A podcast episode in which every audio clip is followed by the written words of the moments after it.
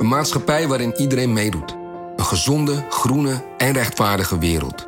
Daar willen jij en heel veel andere mensen best iets aan bijdragen.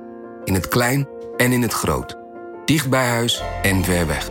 Zo hebben we vorig jaar 349 miljoen euro bij elkaar gebracht. Miljoenen waarmee onze goede doelenpartners de wereld elke dag een beetje beter kunnen maken. Nationale Postcode Loterij. Samen voor een betere wereld.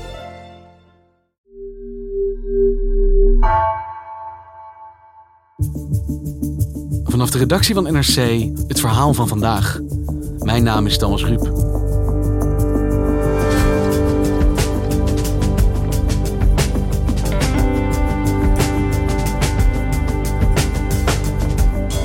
Verwoestende overstromingen troffen Nederland, België en Duitsland door extreme regen. In Duitsland loopt het dodental nog altijd op. Het klimaat is daar tijdens de aankomende verkiezingen het thema geworden, vertelt correspondent Nienke van Verschuur. En de gevolgen van deze ramp zullen zo nog lang te merken zijn.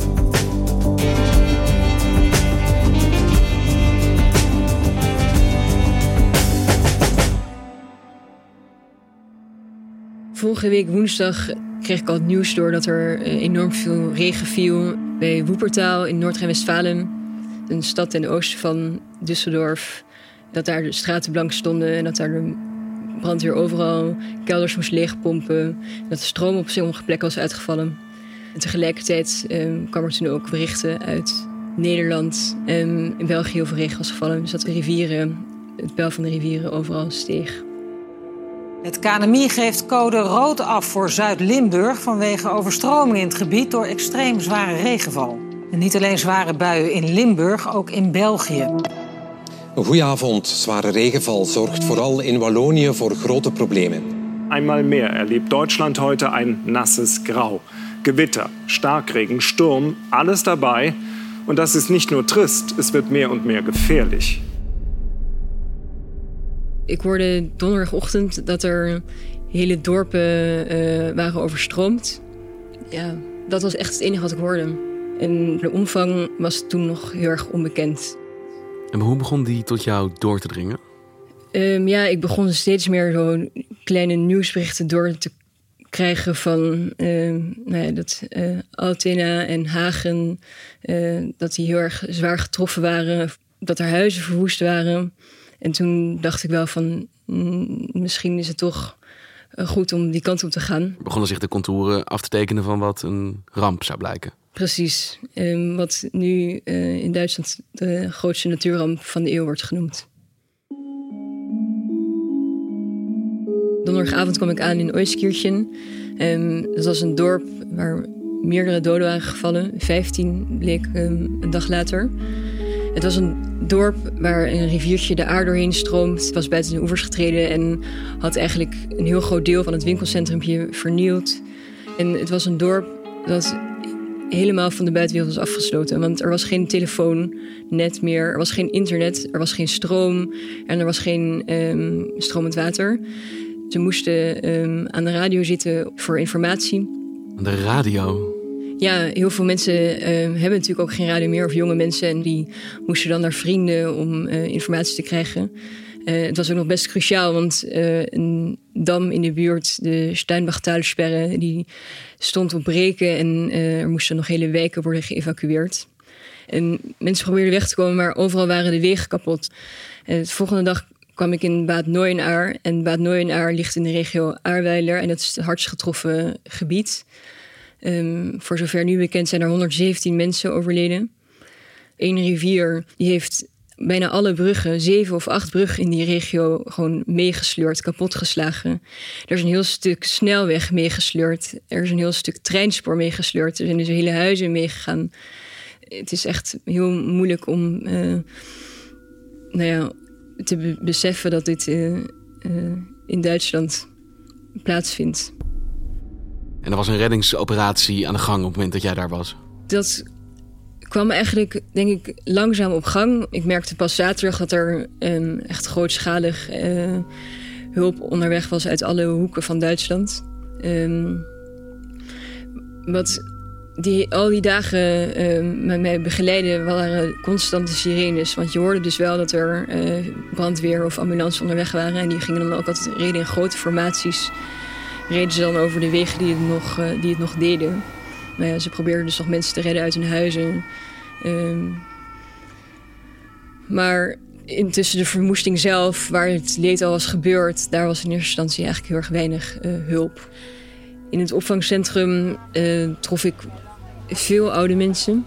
Het opvangcentrum was nog totaal oningericht. Het was een turnzaal, dus er waren een paar van die turnmatten waar mensen op konden slapen. Waar andere mensen probeerden op een stoel te slapen.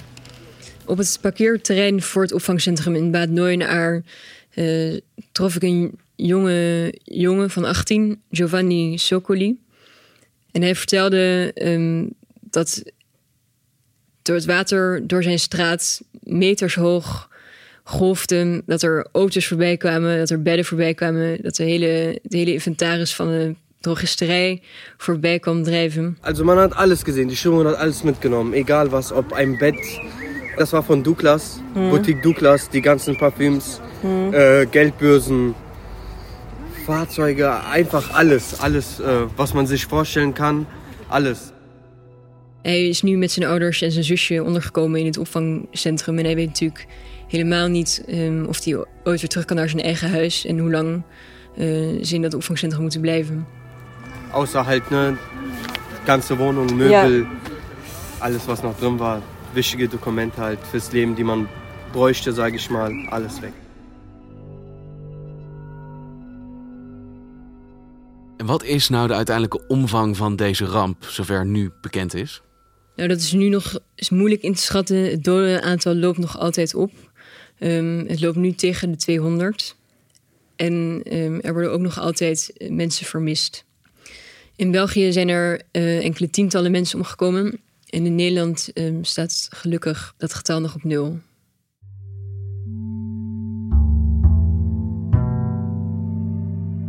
En waar komt dat verschil vandaan? Hoe komt het dat in Duitsland, in ieder geval op de menselijke schaal, de schade zoveel groter lijkt? Die riviertjes die nu overstroomd zijn, dat zijn kleine rivieren. Die liggen in een dal. Die kunnen echt geen kant op. Die hebben niet zoals in Nederland um, veel water uh, met een uiterwaarts eromheen. Dus die rivieren die um, kunnen alleen maar naar boven. En um, door die enorme regenval kwam er een enorme stroming. Je hebt dus drie landen die zijn getroffen door hetzelfde gigantische probleem. Wat is hier nou de oorzaak van? Is dit een geïsoleerd incident, iets wat kan gebeuren? Of is dit het gevolg van klimaatverandering? Ja, het is voor mij heel erg opvallend om te zien hoe verschillend daar in Nederland, België en Duitsland wordt gereageerd. Um, want Mark Rutte die ging uh, naar het rampgebied en die was nogal terughoudend om uh, die ramp toe te schrijven aan de klimaatverandering. Waar ik niet voor ben is van die sweeping statements een dag nadat we in deze ellende staan. Maar ik denk dat je hier wel uit kunt afleiden dat er echt iets aan de hand is. Laten we daar gewoon met elkaar maar heel duidelijk over zijn. De Belgische premier Alexander De Croo is daar al iets stelliger. Maar het is te snel om de, de vinger te gaan leggen op dit specifiek moment. Maar dat als we kijken naar de voor, voorbije tien jaar, dat we vaker geconfronteerd worden met extreme weerfenomenen. Of het nu extreme droogte is of extreme neerslag, ja, daar is weinig twijfel over. En dus is daar een link met klimaatverandering? Ja. En in Duitsland is het heel erg opvallend dat um, Angela Merkel en vrijwel alle politici, behalve misschien die van de Alternatieven voor Duitsland, hebben gezegd: dit komt door klimaatverandering en we moeten sneller um, de klimaatverandering tegengaan. Wenn man der Wissenschaft glaubt, und das tue ich bekanntermaßen, dass das etwas mit dem Klimawandel zu tun hat. Merkel is veel stelliger en bovendien um, zegt ze ook: we moeten meteen in actie komen of we moeten nu beginnen met um, alles wat we al aan klimaatregelgeving hebben, om het sneller in te voeren, om het zwaarwegender uh, te maken. Und das bedeutet, dass wir uns noch mehr ähm, vornehmen müssen. Wir haben ja unser Klimaschutzgesetz jetzt gerade im Bundestag und Bundesrat äh, verstärkt. Das muss alles umgesetzt werden. Waar komt dat verschil vandaan, denk je? Dat in Duitsland zulke andere en grotere conclusies worden getrokken dan hier? In Duitsland staat klimaatverandering sowieso heel erg hoog op de agenda. En ik denk nu, vanwege de omvang van die ramp, um, is het echt een thema waar niemand meer omheen kan. Ook niet onbelangrijk is dat er in september, over tien weken, zijn er landelijke verkiezingen in Duitsland. En ook daar zal nu klimaatverandering en hoe die te keren, zal een van de allerbelangrijkste onderwerpen worden.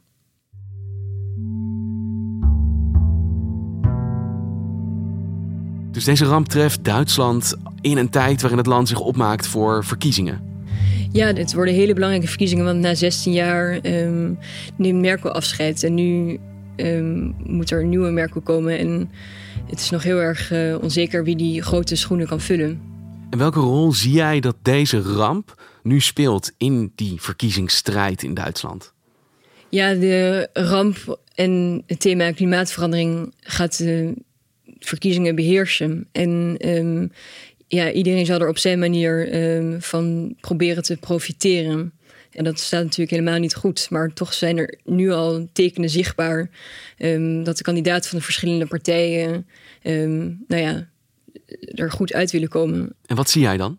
Ja, voor de Groenen komt deze natuurramp op een heel erg bijzonder moment. Want Annalena Baerbock die is in april gekozen tot de lijsttrekker van de Groenen. Um, en sinds het moment dat zij lijsttrekker was, was het eigenlijk vier weken zo dat zij in alle talkshows was.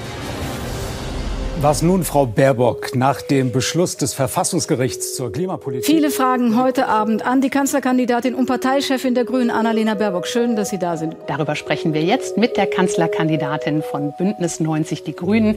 Herzlich willkommen, Annalena Baerbock. Hallo, schönen guten Tag. Ze stond huizenhoog in de peilingen. Ze is een 40 jaar jonge vrouw. Ze staat voor een hele nieuwe leiderschapsstijl. En um, heel veel mensen in Duitsland zagen in haar echt uh, een nieuwe belofte. Misschien wel een nieuwe Merkel.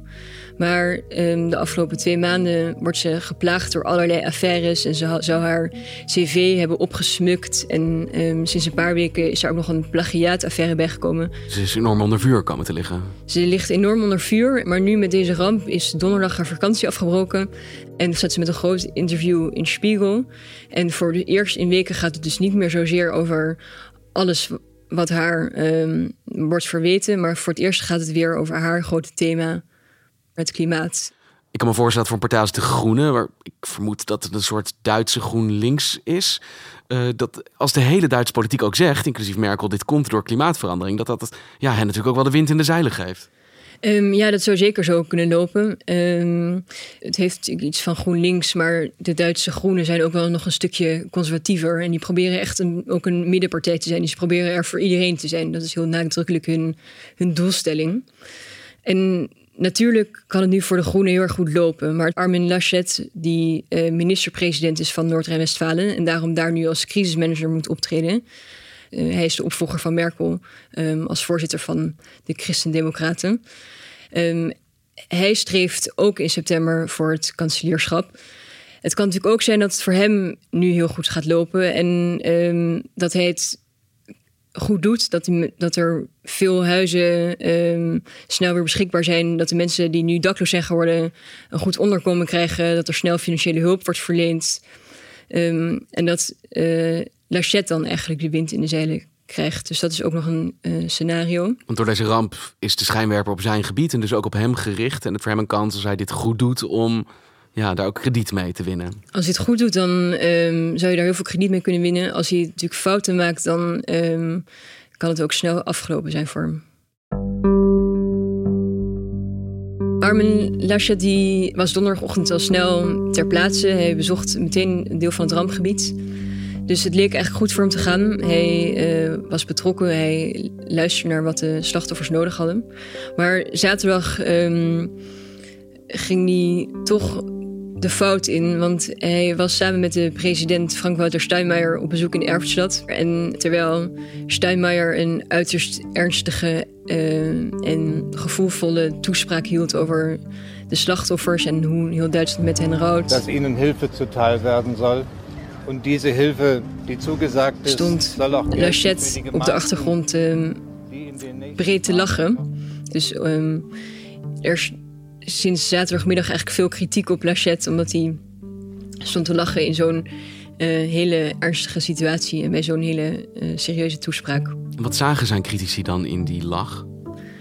dat varieert een beetje. Sommigen die denken van ja, hij lacht natuurlijk niet om de slachtoffers, maar ehm, hij, het is gewoon ongepast of het is gewoon slechte manieren om door een toespraak van de president heen te lachen. En anderen die zeggen van ja, hij is gewoon eh, eh, ongeschikt en eh, hij, hij neemt het niet serieus genoeg. Zit hier een verwijt van opportunisme in. Dat deze politici een gigantische ramp, die zich nog steeds eigenlijk aan het voltrekken is met alle vermisten, gebruiken voor politiek gewin? Ja, dat um, verwijt ligt natuurlijk snel op de loer. En als je al te uh, opzichtig um, de crisis of de catastrofe instrumentaliseert, dan um, word je natuurlijk snel ontmaskerd als een enorme opportunist. Um, en de mensen in de betroffen gebieden die hebben natuurlijk ook niet zo heel erg veel aan grote politieke discussies of aan um, verkiezingsbeloftes. Die willen gewoon nu uh, geholpen worden. Die hebben nu een nieuw huis nodig. Ze hebben nieuwe wegen, nieuwe bruggen, nieuwe sporen nodig. Dus um, in eerste instantie moet die regio gewoon weer een beetje op de been komen. Voordat zij misschien willen nadenken over verkiezingen of over de grote oorzaak hiervan.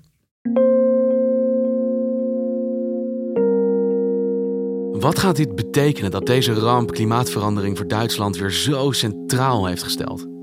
Wat heel erg vreemd was um, terwijl ik daar was. Ik logeerde in Keulen. En in Keulen was, uh, ging het nachtleven gewoon door. Het was daar alsof er niks aan de hand was. Terwijl 20 kilometer verderop was een, heel erg, een, heel, een hele stad eigenlijk aan het verzakken in een grindgroeven. En de hele dorpen zijn verwoest en meegesleurd door de stroming. Er zijn zoveel mensen overleden. Um, en dus in een groot deel van Duitsland merk je dat niet. Maar hoewel die ramp dus zo lokaal misschien 10, 20, 30 dorpen heeft getroffen, zal die ramp de komende weken in Duitsland beheersen en ook de verkiezingen beïnvloeden. En daarmee zal bepaald worden wat de koers van Duitsland de komende vier jaar zal zijn. En dat zal uiteindelijk ook zijn uitwerking hebben op Europa waar Duitsland als invloedrijkste land natuurlijk ook een voortrekker is, ook op gebieden als klimaat. Ook op het gebied van klimaat, tenminste als zij ook kiezen voor een progressieve uh, klimaatpolitiek.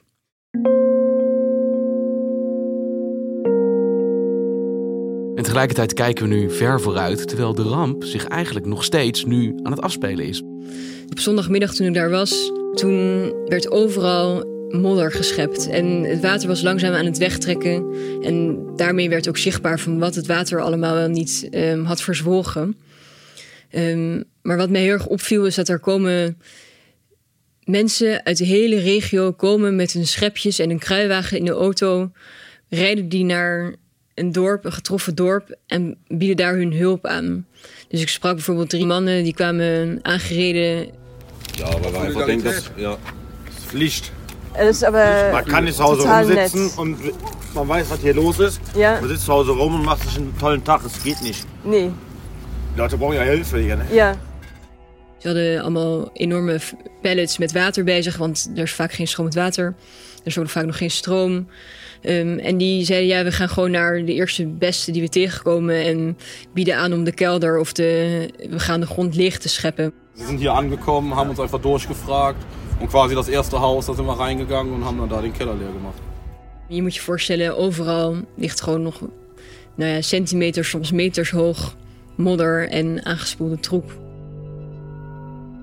Want het water is nu wel weg, toch? Ja, het water is nu op de meeste plekken weg. Um, het staat ook nog wel in veel straten. En vooral daar waar het water hele kraters heeft geslagen, staat nog diepe modderplassen. Um, dus het zal nog maanden duren voordat um, veel van die dorpen weer woonbaar zijn. Misschien wel jaren ook voordat de spoorlijn er weer is en alle bruggen weer zijn opgebouwd.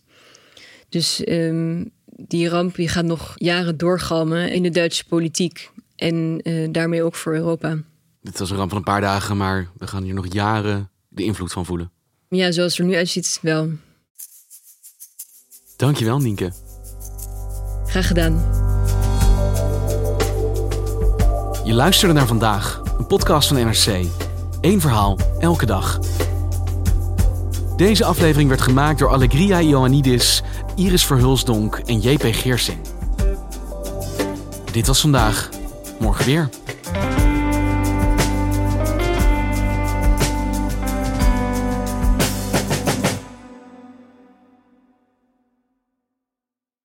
Nieuw Aquarius Red Peach Zero Sugar. Met zijn heerlijke frisse persiksmaak zonder suiker draagt Aquarius bij tot jouw dagelijkse hydratatie en helpt zo mee om je vochtbalans op peil te houden tijdens alledaagse actieve momenten. Thuis, op het werk of onderweg. Ook verkrijgbaar in smaken lemon en orange. Probeer hem nu.